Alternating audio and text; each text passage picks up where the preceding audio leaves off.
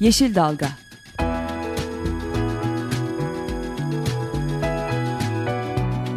Çevre mücadeleleri üzerine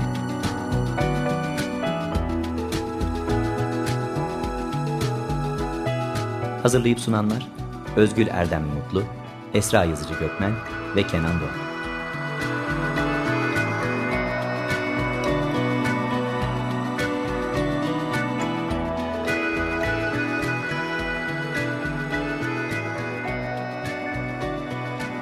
Yeşil Dalga programına katkılarından dolayı Willow Pompa Sistemlerine teşekkür ederiz. Merhabalar, e, Tema Vakfı tarafından hazırlanan Yeşil Dalga programında yine sizlerle birlikteyiz. Bugün programımızı e, Orman ve Kırsal Kalkınma bölümümüzden Ferhat Taze ile birlikte sunuyoruz. Merhaba Ferhat. Merhaba Esra. E, aynı zamanda konumuz da bugün stüdyoda bizimle birlikte. Çok değerli bir konumuz ve çok değerli bir e, eserimiz var elimizde. Onu konuşacağız. Gazeteci yazar İrfan Unutmaz bizlerle birlikte. Hoş geldiniz İrfan Bey. Hoş bulduk, teşekkür ederim. Ee, birazdan e, İrfan Bey'in hazırlamış olduğu Anadolu'da antik dönemden günümüze su mühendisliği harikaları kitabını konuşacağız. E, öncesinde çok kısa e, iki bir haberimiz, bir de minik bir hatırlatmamız var. E, haberimiz e, iyi haber değil maalesef. 2016'ya e, 2015'te yine yoğunluklu olarak kötü haberlerle kapatmıştık. 2016'ya da kötü bir haberle e, başlıyoruz. E, Çanakkale Karabiga'da yapılması planlanan e, Ağan Termik Santrali ile ilgili bugün e, Karabiga Belediyesi encümeni imar izni konusunu e, görüşecek bir karara bağlayacak. E, aslında belki hatırlarsınız birkaç ay önce e, geçtiğimiz aylarda bu termik santralin yönelik ÇED olumlu karar verilmişti. E, ve yerelde de Tema Vakfı da ayrıca davalar açıldı. Tema Vakfı tarafından da açıldı. Davalar bir yandan sürüyor.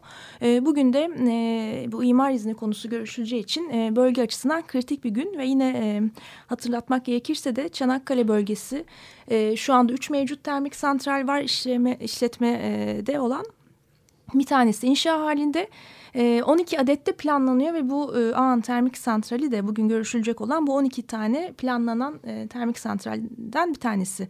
Yani dolayısıyla bunların hepsi hayata geçilirse bölgede 16 e, adet Çanakkale ilinde termik santral faaliyette olacak. Gayet yaşamı tehdit edecek bir durum. hatta geçtiğimiz günlerde Sualtı Araştırmaları Derneği de bir açıklamada bulunmuştu. bölge aynı zamanda Akdeniz foku e, yaşama alanı e, dolayısıyla yani bölgeselden çıktık ulusal ve uluslararası ölçekte önemli bir alan ama çok yoğun bir şekilde termik santrallerde planlanıyor. Ve e, ufak bir e, hatırlatma dediğim gibi de e, Tema Vakfı e, yeni bir projeye başladı başlattı Tema Vakfı. E, Yaşamı Keşfediyorum projesi. E, proje kapsamında çocuklara doğa eğitimi e, verilecek. Doğa eğitim programları düzenleniyor. Ve e, dinleyicilerimize de e, buradan duyuralım. 34-64'de 8 lira karşılığında tema yazarak bir kısa mesaj attıkları takdirde e, çocukların doğa eğitimi programına destek olabilecekler. Evet ve e, şimdi artık e, İrfan Bey'e geçebiliyoruz tekrardan. E, İrfan Unutmaz'la birlikteyiz. Hoş geldiniz tekrardan İrfan Bey. Hoş bulduk, teşekkürler. E, şimdi siz e, Vilo Türkiye için e, bir e, kitap bir kitap projesi hazırladınız. Evet. Anadolu'da antik dönemden günümüze su mühendisliği harikaları evet. e, kitabı. Çok e, geniş kapsamlı bir kitap. E, ondan konuşacağız. Öncesinde bir kısaca isterseniz sizi tanıyalım. Ardından da nasıl böyle bir projeye başlandı, hangi e, amaçla, hedeflerle onları da geçeriz. Ee, ben 1957 İstanbul doğumluyum. Ee, felsefe mezunuyum. İstanbul Üniversitesi felsefe mezunuyum. Orada bilim felsefesi e, okudum. Onun yan e, dalları olarak yani felsefenin yan dalları olarak değil de e, benim ilgi alanım olarak arkeoloji okudum ve iktisat okudum. Bütün bunları yapmaktan amacım gazeteci olmaktı. Gazeteci yani bütün bunları e, benim o zamanki düşünceme göre bütün bunları e, okursak iyi bir gazeteci olur diye düşündüm ve gazeteci oldum. Ee, çocukluğum da Saraçhane başında geçti. Ee, Saraçhane başında biliyorsunuz e, şey var. Upuzun bir Roma e, su kemeri var. E, Bozdağın kemeri ya da Valens su kemeri diye. E, onun üzerinde dolaşırdık çocukken tabii. E, daha sonra biraz daha büyüyünce e, öğrendim ki İstanbul'da İstanbul'da yaklaşık 32-34 tane su kemeri var. Ve karar verdim bütün bunları dolaştım gazeteci olduğumda da e, en sonunda e, Atlas dergisi ve ondan da ondan sonra da Focus dergisine e, girdim. Focus dergisi şimdi kapandı ama o sıralarda popüler bilim dergisiydi. Orada e, bütün bunları çalıştım. E, su kemerlerini, ondan sonra bütün bilim eserlerini çalıştım. Ve Anadolu'daki su mühendislik anıtlarından bazılarını orada çalıştım. 3-4 tanesini ve e, ana, dikkat ettim ki, fark ettim ki Anadolu'da inanılmaz bir potansiyel var. Yani su mühendisliği açısından hiç kimse de ilgilenmiyor yani böyle. E, işte zaman geçti, günler geçti, yıllar geçti. Vilo'ya böyle bir öneri götürdüm, e, götürdük. Hı hı. Öneri Anadolu'daki su mühendislik anıtlarıydı. Vilo'da suyla ve su mühendisliğiyle doğrudan doğru ilişkide olduğu için e, bu projeyi çok sevdi ve biz onu yaptık. Hı hı. Olay bu. Evet, çok e, geniş kapsamlı aslında e, sayılarla da bakacak olursak dört ay yaklaşık e, sanırım yanlış evet, bir şey evet, düzeltin lütfen. E, süren bir çalışma 14 bin kilometrelik bir e, yolculuğu içeriyor evet, aslında.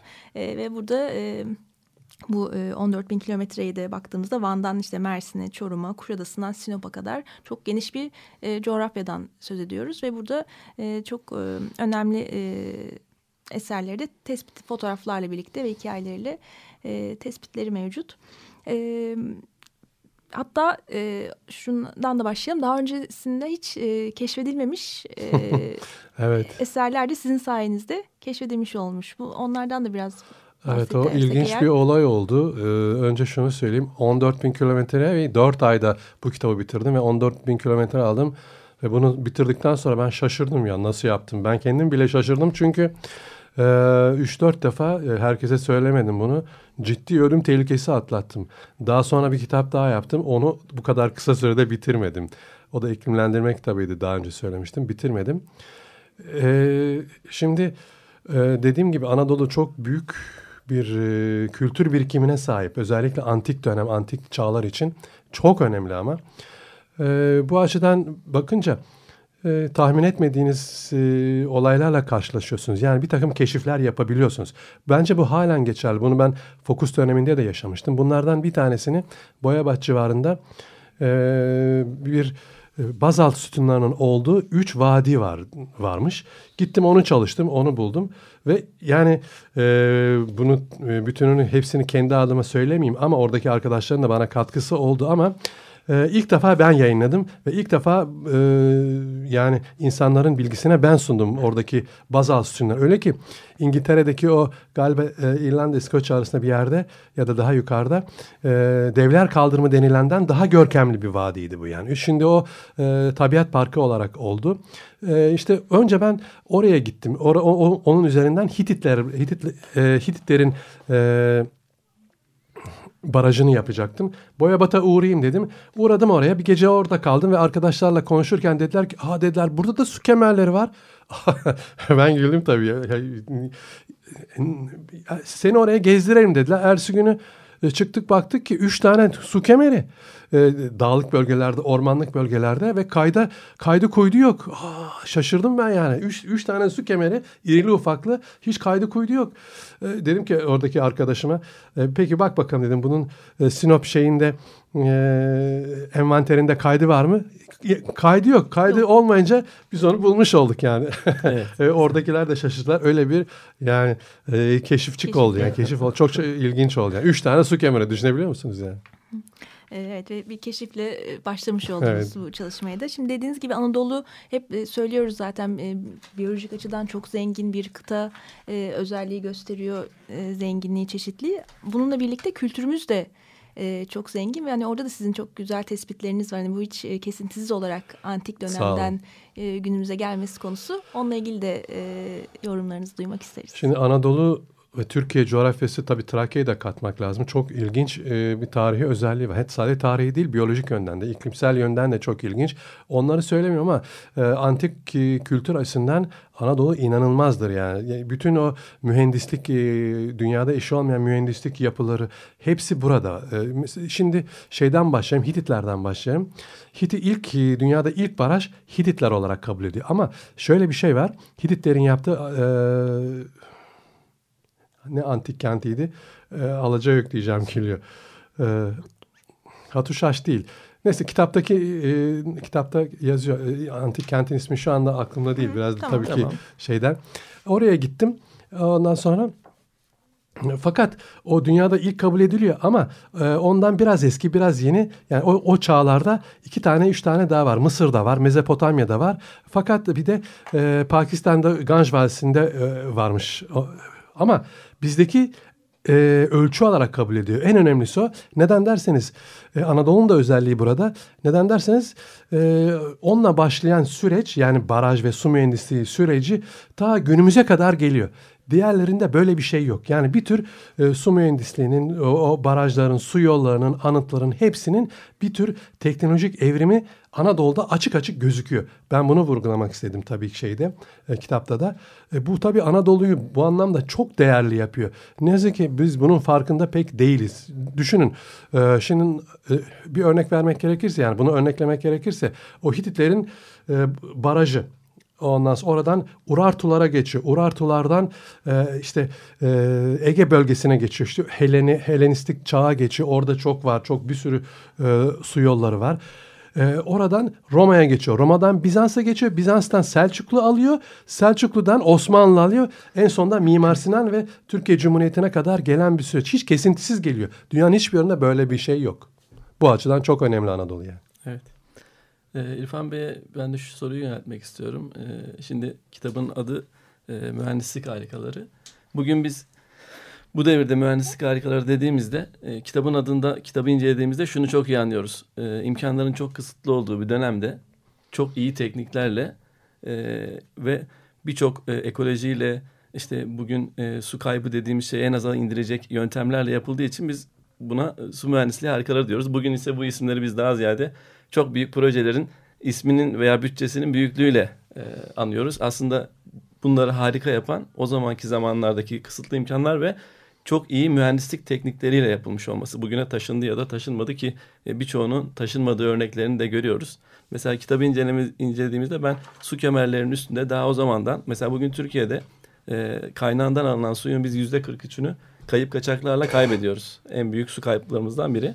E, benim e, kitaptaki eski tarihi su kemerlerine baktığımda birçoğunun daha o zamandan o zamanki devirlerde üstlerinin kapalı bir şekilde e, buharlaşma su kaybını azaltacak şekilde yapıldığını e, görüyorum.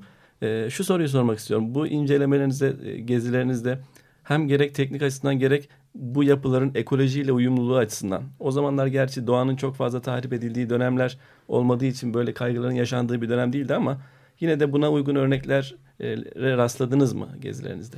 Aslında bütün e, o, o çağlardaki yapılar e, buna birer örnek olması gerekiyor ve doğayla çok çok uyumlu. Yani o gezdiğiniz yerde o eserler öylesine doğaya yakın, öyle doğasıyla özdeşleşmiş ki ya bunu e, yani bir fotoğraf olarak bir ressam olarak onu bir resim haline getirseniz, fotoğrafını çekseniz, öyle sadece seyretseniz bile bir şair olarak bir sanatçı olarak seyretseniz bile e, yani size ayrıca bir zevk ve doğanın güzelliği yanında onlar çok iyi uyum sağlamışlar. O su yolları böyle adım adım izlerken yani böyle e, sanki e, o in, insanların o cennette gezer gibi oluyorsunuz. Çünkü bir taraftan da su akıyor yanınızda. O tarihi anıtlara çıkıyorsunuz. Tepesine çıkıyoruz. Bakıyorsunuz ya çok abartılı bir şeyler yok. Her şey o doğadaki orana uygun. Nasıl ne demek bu? Bakıyorsunuz bir coğrafya şimdi. Bir ağaç, bir kuş, bir kanca hepsi birbirine orantılı e, bir şekilde o, o Afrika'daki filler bile belli bir orantı var. Bu adamların yaptıkları da o orantıya uygun bir vaziyette. Mesela bugünkü barajlara bakın. E, 100 metre, 150 metrelik bir açıklar. Orana o şey olmuyor, uymuyor. E, şimdiki karayollarına bakın e, doğayı ezip geçiyorlar. Eski karayolları nasıl e, dağdan tepeden kıvrıla kıvrıla on, oralarda gitmek çok zevkli oluyor. Bu eski eserlerde de böyle bir şey var yani özellikle su yollarında böyle bunlar var. Mesela şimdi ben size ilginç bir örnek söyleyeyim. Ee, Efes'e yedi yerden su geliyor. Yedi ayrı bölgeden e, su geliyor. Tabii su kanallarıyla, e, irili ufaklı su kemerleriyle ve su tünelleriyle geliyor. Ben bunlardan bir tanesini gezdim. E, 43 kilometre, 43 mi 47, 43 diyelim 43 kilometre uzunluğunda Değirmendere su, kene, su kemeriydi, su yoluydu. E, bu su yolu e, Kuşadası'nın ötesinden bir yerden, bir dağlık bir alandan geliyor. Ama tunellerden geçiyor, yer altından geçiyor, e, su kemerleri var. İnanılmaz bir şey. Bunu mutlaka e, iz, yani izleyicilerin fırsat bulursa gezmelerini öneririm. Çok zor bir alan e, ama e, 4-5 günde gezdim ben bunu. Şimdi öyle bir şey ki doğaya uygunluktan söz ettiniz. Şimdi hem ayrıca bir gizem var e, bu. Bunun galiba 15 ile 25 kilometreleri arasında bütün sistem çift yapılmış. Şaşır, şaşırtıcı bir şaşırtıcı bir şey. E, kitapta resimleri var böyle onların. Çift yapılmış. Aa, e, ben hocayla konuştum. E, İzmir'den 9 Eylül'den Profesör Doktor Ünal Öziş'le konuştum. O anlattı. E, ina, bu henüz tam çözülememiş. Acaba depremlerden mi olmuş yoksa? Yani bir doğaya uyumsuzluk var. Adamlar doğaya uyum sağlamak için aynı şeyleri yan yana çift yapmışlar. Ve o kadar ilginç, o kadar ilginç. E, çünkü su akışını engellediği için onu destekleyecek bir başka bir şey daha yapışık yapmışlar. Yani dediğiniz evet. gibi e, o su akışını düzenlemesi açısından ve doğaya uyumlu olması açısından en iyi örnek bu. Fakat tam çözülememiş bunun nedeni. E, çözmesine pek de imkan yok gibi. Evet. Peki o zaman e, şimdi kısa bir şarkı arası verelim. E, ardından e, yine kitabımızla ilgili konuşmaya devam ederiz. Müzik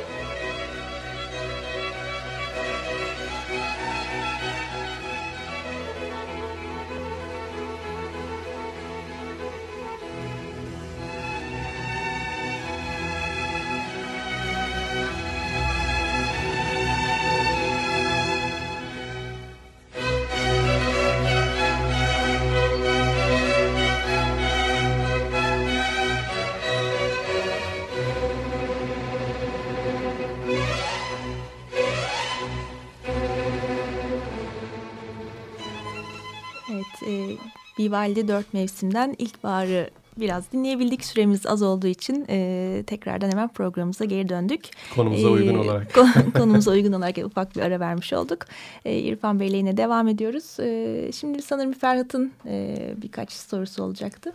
Evet, e, İstanbul e, tabii bizim en yoğun dinleyici e, kitlemizin olduğu bölgelerden biri. Belki İstanbul deyince benim aklıma hemen şu da geliyor e, Kuzey Ormanları İstanbul için çok hassas, bizim üzerinde çok hassasla durduğumuz e, bir e, doğal e, kazanımız bizim İstanbul için öyle olduğunu düşünüyoruz ve korunması gerektiğini hassasiyetle düşünüyoruz ki İstanbul'un e, geçmişten bugüne bütün e, aslında su ihtiyacı bu bölgeden e, karşılanıyor ve bu bölgeye baktığımızda yine mimari eserler olarak işte Belgrad Ormanı içerisindeki e, bentleri, e, işte bugün Taksim'i e, ismini veren e, bu e, ormandan gelen su kemerleriyle e, Taksim'e taşınan suların buradan Taksimat'la en yüksek yerinden İstanbul'a dağıtıldığı evet, için e, Taksim ismi de verilmiştir.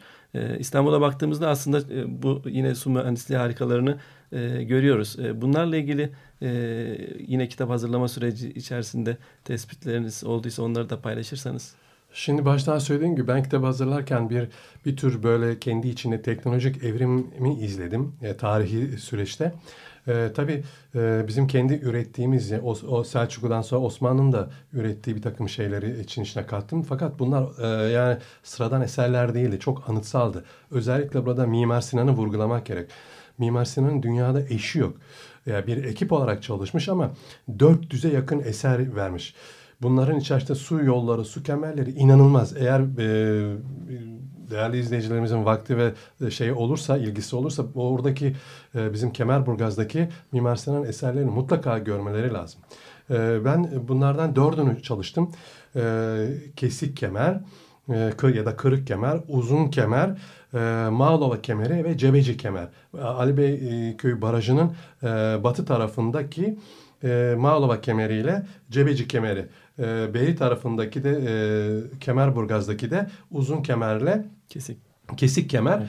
E, ben işte 1970'li yıllarda e, ilk meraklı olduğum dönemde o bölgeyi gezerken her taraf ormanlıktı böyle. Çok çok güzeldi. Şimdi çok değişti. Nasıl değişti? E, o bölgeye, o tarihi alana ki orası bir e, arkeolojik e, park olarak olması gerekirdi. Ne oldu? Fabrikalar, fabrikaların orada olması e, resmen bir cinayet. E, rezidanslar, villalar yapıldı. Oradaki oturanlar, insanlar oradan çok zevk alıyor olabilirler ama e, ben size şimdi bir örnek vereyim. E, zevk alınacak bir şey değil bu. Neden? Ee, uzun kemerin üstüne çıktım. E, fotoğraf çekecektim bu bölgede. Ee, üstüne çıkınca uzun kemer 700 metre, 700 küsür metre uzunluğunda Mimar Sinan'ın bir şaheseri mutlaka yakından görülmesi gerekiyor. Üstünde tam tepesinde boydan boya bir e, tünel var. Üstü kapalı bir tünel var e, tünelin de yarısına e, kadarı sıvalanmış. E, su e, geçirmez sıvayla sıvanmış. Üstü de açık bırakılmış. Yani içten e, sıvanmamış. Çünkü e, sizin de daha önce belirttiğiniz gibi e, buharlaşmayı e, çeksin diye yani buharlaşmayı e, esere zarar vermesin diye onun içine girdim. Orada su akışı yoktu. Fakat e, gördüm ki o kemerin o e, kanal boydan boya delinmiş üste. Defineciler orayı delmişler. Ya inanılır gibi ben gazeteci sanıyorum kendimi. Gazetecim diyorum. Bütün gazeteler e, şeylere e, haber verdim televizyonlar. Şu, e, hiç kimse ilgilenmedi. Düşünebiliyor musunuz? Mimar Sinan o eseri kırık ve delinmiş tepeden kimse ilgilenmiyor. E, böyle bir yapıda. Aynı şeyi e, Kırık Kemer'de gördüm. Kırık Kemer'de de böyle üstten ta gerilere doğru giderseniz orası devamlı defineciler kazıyorlar. Ne arıyorlarsa ya orada definenin D'si bile yok. Ama kazıyorlar işte. E, onun başlangıç bölümü var. Az e, Güneydoğu, Güneybatı bölgesinde, orman içerisinde. Ondan sonra girdim üstünde yürümeye çalıştım. Aa gözlerime inanamadım. Hem içinden su akıyor, kemerin içinden su akıyor. İnanabiliyor musunuz? Çünkü yani bu su nereden geliyor ama su akıyor. Öylesine bir yani akaçlama ve düzenleme yapmış ki e, e, belki onun kaynağı olmasa bile doğadan gelen e, e, böyle yağmurların biriktirdiği suyu halen Aynen. çekebiliyor o tunel yani o kemer. Yani bu şaşkınlık verici bir şey. Kimse ilgilenmiyor bununla ama bu çok özel. Bir de baktım ki üstten kırmışlar e, şeyi kemeri. Kemerin e, üstündeki tunelin üst kapağını kır, kırmışlar. Yer yer kırık. Yani bir, bir, bir Mersen'in böyle kırılmaması lazım. Ama işte evet. oradaki oturanlar, o fabrikalar e, sonuçta böyle bir e, böyle bir tahribata neden oluyorlar ama oraya orada yaşayan insanlar aa ne güzel işte bu ağaçtan arasında yaşıyor diyor ama oradaki eserler e, bizim için çok şey yani çok olumsuz bir yok oluşa doğru gidiyor ve kimse de ilgilenmiyor. Umarım bu söylemimizi duyan ilgililer olur ve e, bu doğa harikalarını e, korumak için de bir e, girişim olur diye ümit ediyoruz buradan. Ben de. Evet e, İrfan Bey son iki dakikamız maalesef. E, burada aslında e, sizden çok daha fazla şey dinlemek istiyorduk. Belki hani iki programlık e, anlatacak şey de var. iki üç programlık bile diyebiliriz. Son e, iki dakika için e, toparlayalım. Belki bir tanesi de çok fazla e, konuşmuştuk gerçi ama bir yani bu kitapta e, muhakkak gezilmesi, görülmesi önereceğiniz bir sürü yer var. Hani oradan şimdi süremiz az olduğu için bir tane e, isterseniz öneri alalım sizden. Şimdi ben kitabı aslında bir gezi şeklinde yazdım. Hı. Gezi yani bir onu alıp bir rehber gibi gezebilirsiniz aslında. Koca bir kitap oldu ama e, bunlardan e, bir yani ben beş beş tane evet. isim vermişim. Birincisi e, Hatay Samandağı Çevlik'teki Titus Vespasianus Tüneli bir Roma tünelidir. Bu akıllara durgunluk verici bir şeydir. Ee, öyle ki yaklaşık e, böyle e, iki kilometre boyunda bir tünel fakat bunun e, e, 800 metresi kayaya oyulmuş. Devasa bir granit kayanın içine oyulmuş bu tünel ama 15 metreye 20 metre yüksekliğinde öyle bir e, tüneli var. Onun mutlaka gidip görün derim yani. Ondan sonra ikincisi Limonlu çayındaki Roma tüneli. Burası 140 kilometre bir kanyondur. Onun içinde Roma su, su yolu e, kanyon duvarlarına kazılarak yapılmış bir tünel. Ondan sonra e, Rodiapolis var. Kumluca'daki, Antalya Kumluca'daki. Bunun bunun önemi şu. Bir dağ bir dağın üzerine bir kent yapılmış fakat su yok. Su nereden alınsın? E, su şuradan alınıyor. E, dağın üstüne araziye önce e, su kemer su e, sarnıçları yapmışlar. Kenti de sarnıçların üzerine yapmışlar. Evet. Bu üç, işte bu yüzden e, harika diyor su mühendisliği evet. harikalarını e, hakikaten hak eden hak eden e, yapılar. Peki çok teşekkür ediyoruz e, İrfan Unutmaz'a. E, Vilo Türkiye için hazırlamış olduğu Anadolu'da antik dönemden günümüze su mühendisliği harikaları kitabını süremiz el verdiğince çok kısa bir şekilde konuşmaya çalıştık. E, haftaya görüşmek dileğiyle. Hoşçakalın. Hoşçakalın. Yeşil Dalga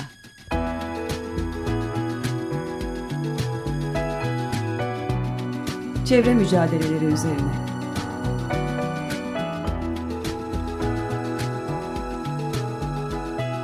Hazırlayıp sunanlar Özgül Erdem Mutlu, Esra Yazıcı Gökmen ve Kenan Doğan.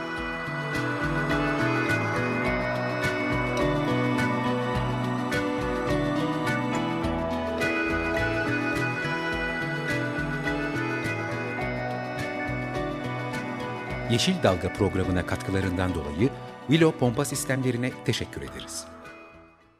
Açık Radyo program destekçisi olun. Bir veya daha fazla programa destek olmak için 212 alan koduyla 343 41 41.